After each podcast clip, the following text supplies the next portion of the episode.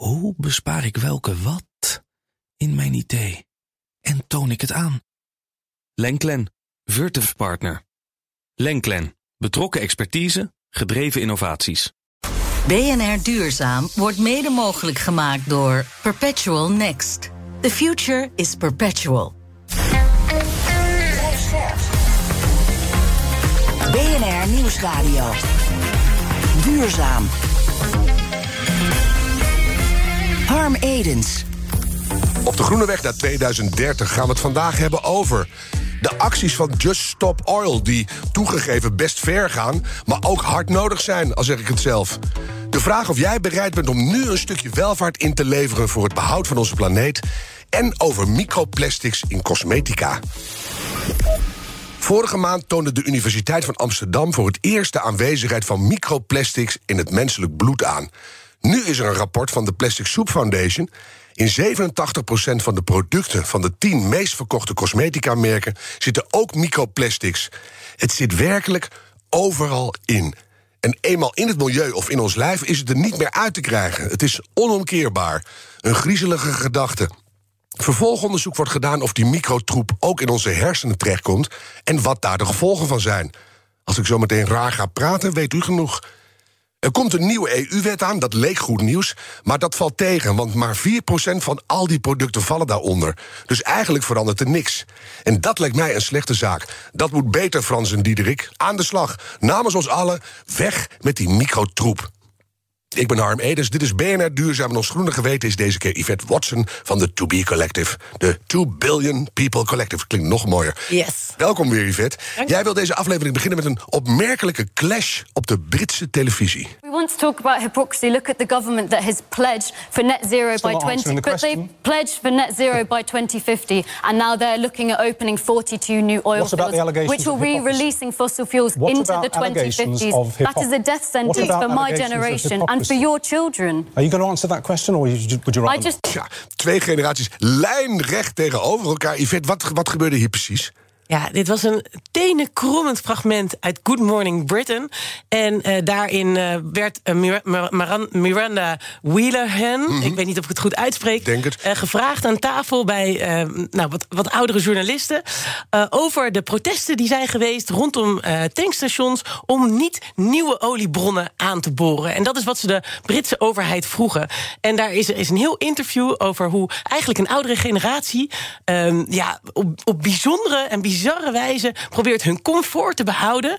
eh, eh, waar de nieuwe generatie zegt, maar ja, het behoud op aarde is gewoon niet, houdt niet in stand. Dus van jullie snappen de urgentie niet. Hè, het moet groter, het moet harder. Dus zo'n idioot protest. Dat hadden zich vastgelijmd aan tankstations en Ja. benzinepompen. Dus het ging best ver. Ja. En die Miranda Wheelerhan die zegt just stop oil. En de presentator blijft erop hameren dat het hypocriet is... omdat de kleren die zij draagt ook ergens met olie te maken hebben... in de, de transport of de productie. En daar komen ze niet uit. Nee, nou, het, en het lijkt ook wel een beetje op de film Don't Look Up.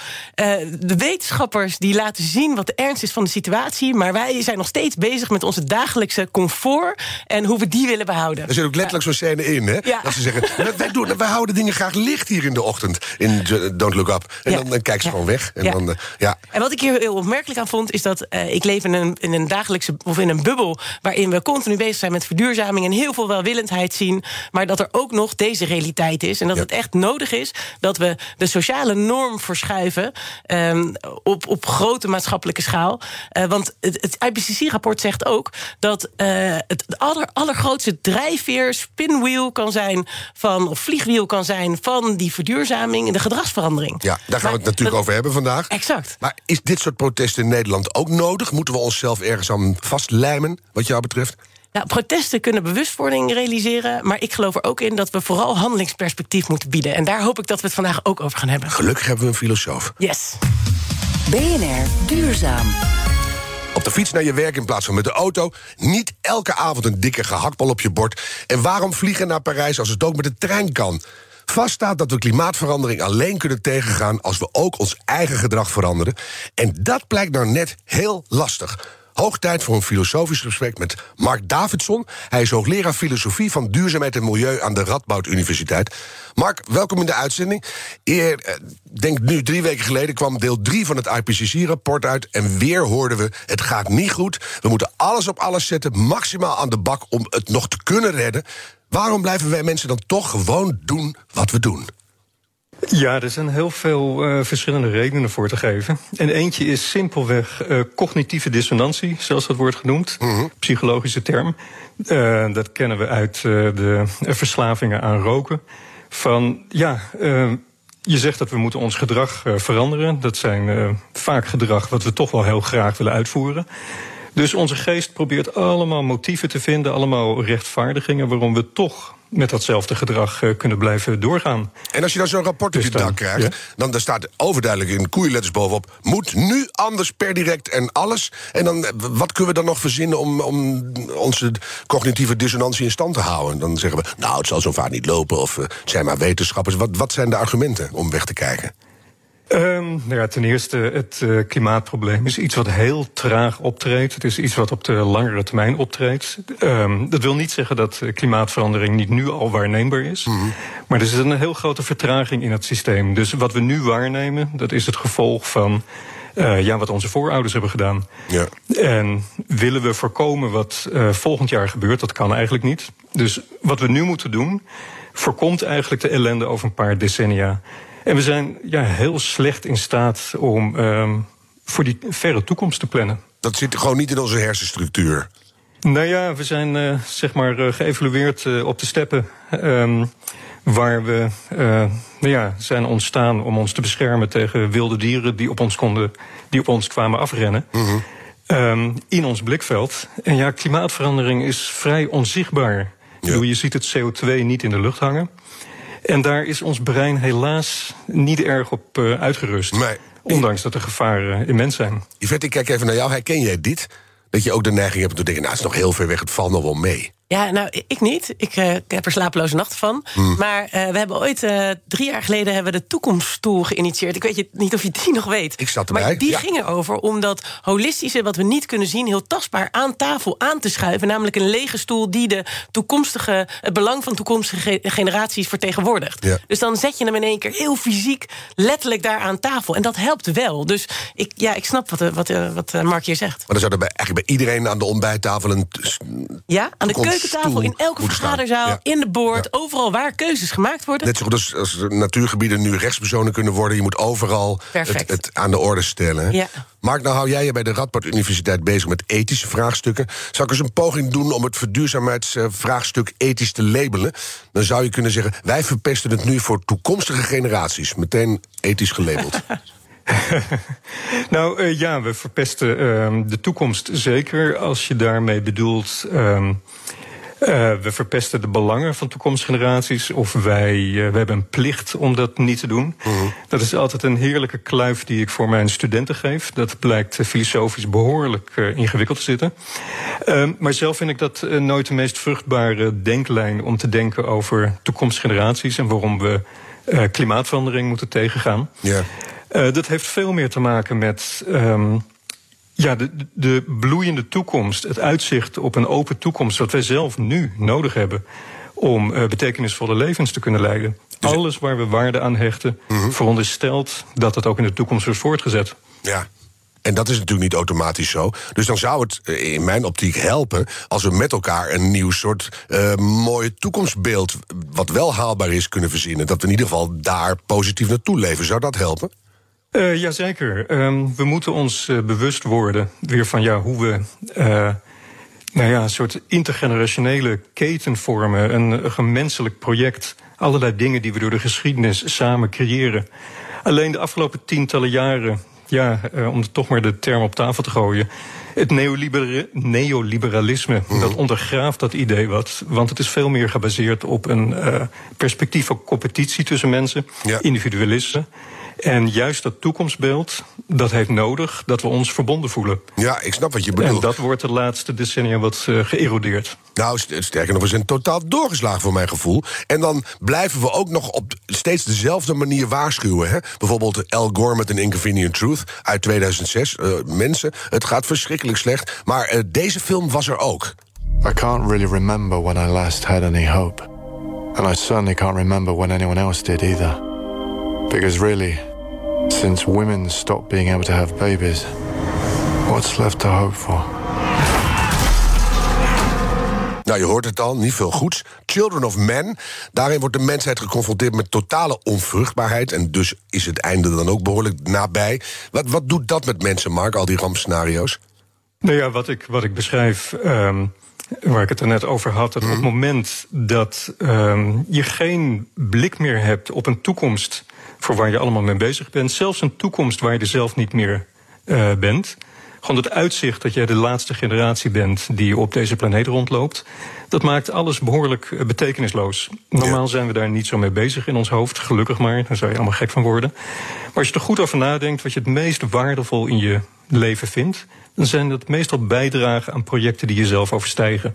En die dus ook worden voortgezet naar je eigen leven. Ja. En dat die film Children of Men, die gaat er dus ook over hoe een samenleving ineenstort op het moment dat het toekomstperspectief wordt weggehaald. Ja, dus dat impliceert dat we, wat ik net al zei, dat we met elkaar toch iets van een toekomst moeten verzinnen. En ik merk in alles wat ik op duurzaamheidsgebied doe, dat dat altijd technologisch wordt ingevuld. Hè. De innovatie die komt er wel, zeker als de druk hoog genoeg wordt. En dan hoeven we eigenlijk niet te veranderen, want de techniek gaat ons redden. Terwijl ik denk, de, al die sociale en ethische aspecten, ja, daar hebben we het veel te weinig over. Hoe komt dat? Nee, ja, omdat als, we, als er een technological fix zou zijn, zoals ze dat noemen, mm -hmm. um, dat, dat je alles kan oplossen zeg maar, achter het stopcontact, zonder dat je in je eigen consumptie er iets van merkt. Ja, dat is natuurlijk veel prettiger. Dan kan je gewoon uh, blijven doorleven zoals je altijd hebt gedaan. Ja. Dus vandaar dat we zo graag willen geloven dat alles uh, technologisch kan worden opgelost. En technologie kan op zich ook heel veel. Maar het kan niet alleen daarvan komen. Nee. We zullen ook in ons gedrag zelf moeten veranderen. En hoe krijgen we dat sociale ethische onder de aandacht? De, is daar een filosofische ingang te bedenken hoe we dat op de, op de kaart krijgen? Ja, dat is uh, bewustwording en dat zal uh, de tijd moeten leren. Allereerst moet de overheid behoorlijk ingrijpen. Mm -hmm. um, we moeten dat doorbreken, dat we allemaal naar elkaar zitten kijken. En uh, van elkaar kijken, als de ander het doet, zal het wel normaal zijn. Dus de overheid moet zogezegd uh, ruggengraat uh, tonen, uh, beleid voeren, ja, um, nou, energie, ja, dan merk... de CO2 duurder maken. Um, en dan zal het wel blijken in hoeverre de technologie in staat is om dat allemaal op te lossen. Ja. Of um, gedragsverandering. Maar dan merken we dat die overheden, die, die horen ook bij die oudere generatie. Dus die kijken ook grotendeels weg. Dan kom ik even bij het begin van die vet. Zou het een idee zijn om dat, dat die status quo, waar we steeds maar in blijven hangen, te doorbreken. om ons daadwerkelijk aan benzinepompen en aan tankauto's vast te lijmen? Wat, is dat een filosofisch goed idee om een schokgolf door die samenleving te gooien? Wat denk jij? Nou ja, zolang het uh, redelijk binnen de grenzen van de uh, wet blijft, um, denk ik dat het ook goed is om enige burgerlijke ongehoorzaamheid te tonen. Ik bedoel, -hmm. de nood is daar groot genoeg voor. Ja. Um, maar ja, even teruggaand op dat uh, voorbeeld van die interviewer. Het is niet alleen die cognitieve dissonantie van dat we de informatie willen ontkennen. Maar de oude garde, die heeft nog een groter probleem. Want als ze het probleem erkennen, dan worden zich plotseling ook schuldbewust van dat zij de grootste veroorzakers zijn geweest. Dat probleem heeft de jeugd iets minder. Ja. Ik bedoel, die uh, neemt nog niet de geschiedenis met zich mee dat zij de grootste bijdrage heeft geleverd ja. aan de huidige klimaatverandering. En dat we het ook al heel lang weten en al heel lang wegkijken. En nu kijk ik ja. maar even naar Yvette, die is de jongste van ons drieën, denk ik. um, het gaat ook in, in klimaatvragen steeds over overconsumptie. We kopen allerlei dingen die we helemaal niet nodig hebben. Uh, is dat wat jou betreft ook het probleem? Dat we in een verkeerd paradigma zijn blijven hangen? Ja, dat denk ik wel. Ik denk dat het heel belangrijk is om een nieuwe toekomst met elkaar te definiëren. Dus niet alleen maar te focussen op wat moeten we minder doen. Maar hoe ziet nou die ideale toekomst eruit? Want dan hebben we ergens om naartoe te bewegen. Want ik denk dat het belangrijker is dan iedereen vertellen wat we minder moeten doen. Is juist handelingsperspectief te geven over waar we naartoe moeten bewegen. En ik ben nu een beetje onderzoek aan het doen naar social tipping points. Je hebt je fysische tipping points, ijskappen die smelten. En die dus dan die versnelling van die klimaatverwarming uh, van de aarde op gang brengen. Maar je hebt ook ook social tipping points die de versnelling brengen in verduurzaming. En dan is het dus bijvoorbeeld heel belangrijk om die groei naar maatschappelijk draagvlak, dat is zo'n social tipping point. En dat kan je dus creëren met zo'n toekomstperspectief. Dus ik vond het heel mooi dat jullie het daarover hadden. Maar ook bijvoorbeeld door gezamenlijk collectieve initiatieven te lanceren. Dat is ook een belangrijke social tipping point. Dus als je een collectief als een wijk of een organisatie, als je die met elkaar aan de gang krijgt, dan, eh, dan bereik je dus ook nou ja, zo'n collectief in beweging. vliegwiel op en dan trekt de rest mee. Dan gaat de buurt ernaast ook mee. En dan, dan, dus volgens dan mij moeten we op zoek naar die social tipping points. Want wat, wat jullie, waar jullie het net ook over hadden, het is misschien. Technisch kunnen we alles. We kunnen gaatjes graven op Mars. We kunnen opereren via de adem. Mhm. Dus dan kunnen we heus wel dit klimaatprobleem oplossen. Maar het, het gaat wel over dat we die keuzes dan moeten maken. Dus we komen altijd weer terug bij het gedrag, bij die keuze van een functionaris. Ja. Die moet kiezen voor de meest duurzame oplossing. En het is aan de, ene kant de burgers en de andere kant de overheid. En die moeten naar elkaar naar dat heilige midden toe bewegen. Ja, en dan niet alleen de burgers als privé, hè, ook de burgers als functionaris. Want iedereen is expert van zijn eigen werk. En die wil je aanspreken, want dat, dat is het collectieve brein hè, van, van Dat zijn Nederland. wij. Dat zijn wij. Ja. En wij kunnen in ons werk kunnen we van alles veranderen. Ja, dan vragen we Daan Schuurmans als woordvoerder. en dan moet het goed komen. Maar kan de filosofie ons ook daarbij helpen? En want we weten wel dat we niet een weekend naar eh, Lissabon moeten vliegen. Dat we geen dierenleedvlees moeten eten. En niet elke week eh, nieuwe kleding moeten kopen. Maar als je dat allemaal op een, op een hoop veegt, zou je kunnen zeggen vanuit de filosofie. Het is immoreel aan het worden. We zouden als land kunnen zeggen: we hebben nu genoeg welvaart. Nu gaan we ons richten op andere dingen. Ja, het is een hele oude filosofische vraag van wat nou welzijn is en wat ertoe aan bijdraagt. Ja. Ehm, en ja, het oude antwoord is dat eh, zeker niet alleen maar steeds meer ehm, materiële welvaart daaraan bijdraagt. Dat ja, de belangrijkste dingen zijn. ehm, nou ja, mensen willen zich veilig voelen. Natuurlijk eh, voldoende te eten hebben, een dak boven hun hoofd. Maar daarboven draagt eh, materiële welvaart weinig bij. En onze hele economie is ingericht op economische groei, steeds maar groei. Maar het probleem is dat dat nauwelijks bijdraagt aan welvaart. Wel in onze ontwikkelingslanden, vanaf eh, tot een bepaald niveau. Ja. Maar in, in ons rijke Westen. Ehm, maar een, een groot probleem is dat in onze individualistische wereld... eh, kijken we heel erg naar elkaar en ontlenen we van hoe goed we ons voelen... heel erg aan hoe we ons verhouden tot onze buurman of buurvrouw. Ja. Dus vandaar dat we steeds meer consumeren, proberen rijker te zijn... om niet onder te doen voor onze buurman of buurvrouw. Dus dat moeten we ook doorbreken. Mhm. En zouden we Ehm, dit hele commerciële eh, de dooreetapparaat ook kunnen inzetten om die filosofische onderbouwing nou eens eh, die samenleving in te krijgen? Dus gaan we gewoon hetzelfde apparaat, maar dan op hele andere dingen targeten. Zou dat kunnen? Oeh, daar heb ik niet direct een antwoord op. vind het Dat is briljant. moeilijker. Maar dat geeft niet. Dat vind ik wel goed dat de filosoof af en toe heel erg lang nadenkt. Dus dan komen we in een volgende uitzending. Het lijkt mij zo mooi dat gewoon al die miljoenen en miljarden die naar die hopeloze reclames gaan, dat we die nou stoppen Dat je in. reclame krijgt van. Ga naar buiten en zie de narcissen groeien. Ervaar het geluk met je blote voetjes in het, in het gras. BNR Nieuwsradio. Duurzaam. Harm Edens.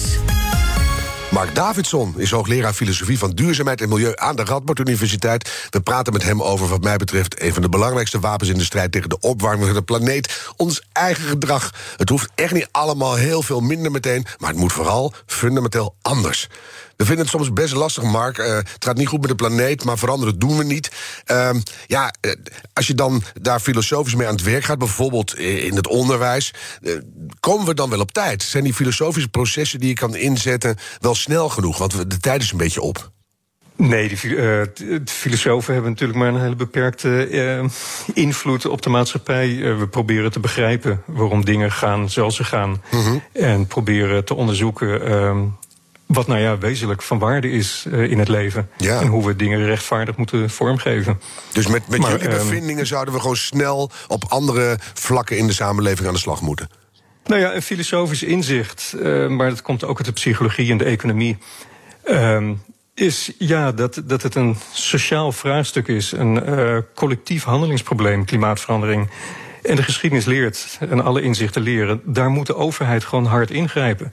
Kijk, burgers moeten veranderen, en een aantal zullen dat uit zichzelf ook doen. Ja. Maar uiteindelijk moet de overheid de piketpaaltjes slaan. Want als jij vanuit jouw filosofische eh, ja, paraplu-visie kijkt naar de overheid in Nederland en in Europa, doen ze het goed wat jou betreft? Ja, men doet uh, toch uh, onvoldoende. Mm -hmm. um, Nee, het is ook lastig. Ik, ik moet toegeven, het is lastig voor overheden. Want net zoals uh, burgers en bedrijven onderling in een dilemma zitten van uh, een beetje een concurrentie met elkaar, zitten overheden dat ook. En ook individuele landen zijn maar beperkt hoe ze voor de troepen kunnen uitlopen. Ja. Dus uh, vandaar dat iedereen hoopt dat er een mondiaal beleid wordt gevoerd. Maar ja, en Europa probeert op de rest vooruit te lopen. Maar wordt toch begrensd als China, Amerika en India niet enigszins meebewegen, dan uh, moet ja, Europa zich ook een beetje inhouden. Dat is het lastige. Ja, Yvette? Ja, uh, Mark, daar heb ik wel een vraag over. Want heb jij het gevoel dat de politiek uh, met, uh, die gericht is op de, het verwerven van stemmen van alle burgers, in staat is om voor die troepen uit te lopen? Of heeft dat eigenlijk ook weer die verschuiving van die sociale norm nodig voor de politiek iets gaat doen? Dus zitten we op elkaar te wachten? Het, het, ja, zeker. Het is beslist een kip-ei-probleem. Um, maar je mag toch hopen dat politici daar zitten niet alleen maar uh, om te doen uh, wat hun kiezers vragen, maar om een voortrekkersrol te nemen. Om voor de troepen uit te lopen. Dus je hoopt dat um, de politici en de overheid erin verder kijkt. Maar ja, de, helaas zitten de politici veel te veel te kijken naar wat de maatschappij doet. En daarbij onderschat de overheid heel erg uh, wat haar draagvlak is. Helaas kijkt hij vaak naar wat burgers als consument doen. En ja. die uh, zeggen dan van ja, men is niet bereid om dit te betalen. Uh, dus we kunnen er geen beleid op voeren. Maar dat is een misvatting, want burgers zijn best bereid om uh, ergens flink voor te betalen. Ja, als ze weten dat de buurman en de buurvrouw dat ook doet. Ja. Dus Yvette, denk jij ook dat, uh, dat de beste stappen zijn? Uh, ja, ik, uh, ik, ik weet dus niet of we moeten wachten op de politiek. Ik, ik hoop dat ze daar rol gaat pakken. Als, en, en het gaat zien als maatschappelijk probleem... en niet als gekissenbis tussen rood en groen en rechts en links. Maar even voor jullie tweeën nog. Hè. We hebben net corona gehad en nog een overstromingje in Limburg. Mark, zou het helpen? Nog twee of drie grote rampen... komen we dan echt sneller in beweging? Wat denk je? Nou, helaas, helaas wel. Um, je ziet uh, met de coronacrisis, die is heel evident, mm. um, dat daar plotseling een ongelooflijk. Uh, nou, de overheid is daadkrachtig.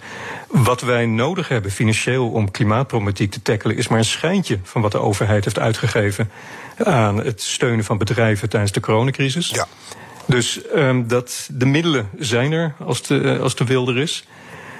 Maar ja, helaas, hoe erg Limburg uh, was, en het was nog veel erger in Duitsland en België, België ja, is dat nog niet, erg nog genoeg, niet erg genoeg om werkelijk die ogen te openen. Nee. Dus dat, dat, moeten we, terwijl we aan het veranderen zijn, moeten we een paar kleine rampen nog zien uh, af te wachten. Mark Davidson van de Radboud Universiteit, ik dank je zeer voor dit gesprek. Yvette, wat ga jij doorvertellen aan de eettafel vanavond? Nou, ik denk dat we vandaag wel kunnen concluderen dat het belangrijk is dat we iedereen meenemen in dit klimaatvraagstuk. Mm -hmm. De toekomst is nog niet gedefinieerd. En het resultaat is de cumulatieve inspanning van iedereen in het systeem. Ja. Dus weet je, we moeten met z'n allen aan de bak. De politiek, alle burgers, de bedrijven, met elkaar. En ik uh, neem mee wat jij zei net. En dat we heel veel filosofen nodig hebben om dat ook in een denkkader te vatten. Want superbelangrijk. Dankjewel, Yvette Watson. Dit was BNR Duurzaam, de groene weg naar 2030. Laten we die met z'n allen nemen. Ondertussen een beetje nadenken en doorlopen graag. De tijd van treuzelen is voorbij. BNR Duurzaam wordt mede mogelijk gemaakt door Perpetual Next. The future is perpetual. Hoe bespaar ik welke wat in mijn idee? En toon ik het aan? Lenklen, Virtuf Partner. Lenklen, betrokken expertise, gedreven innovaties.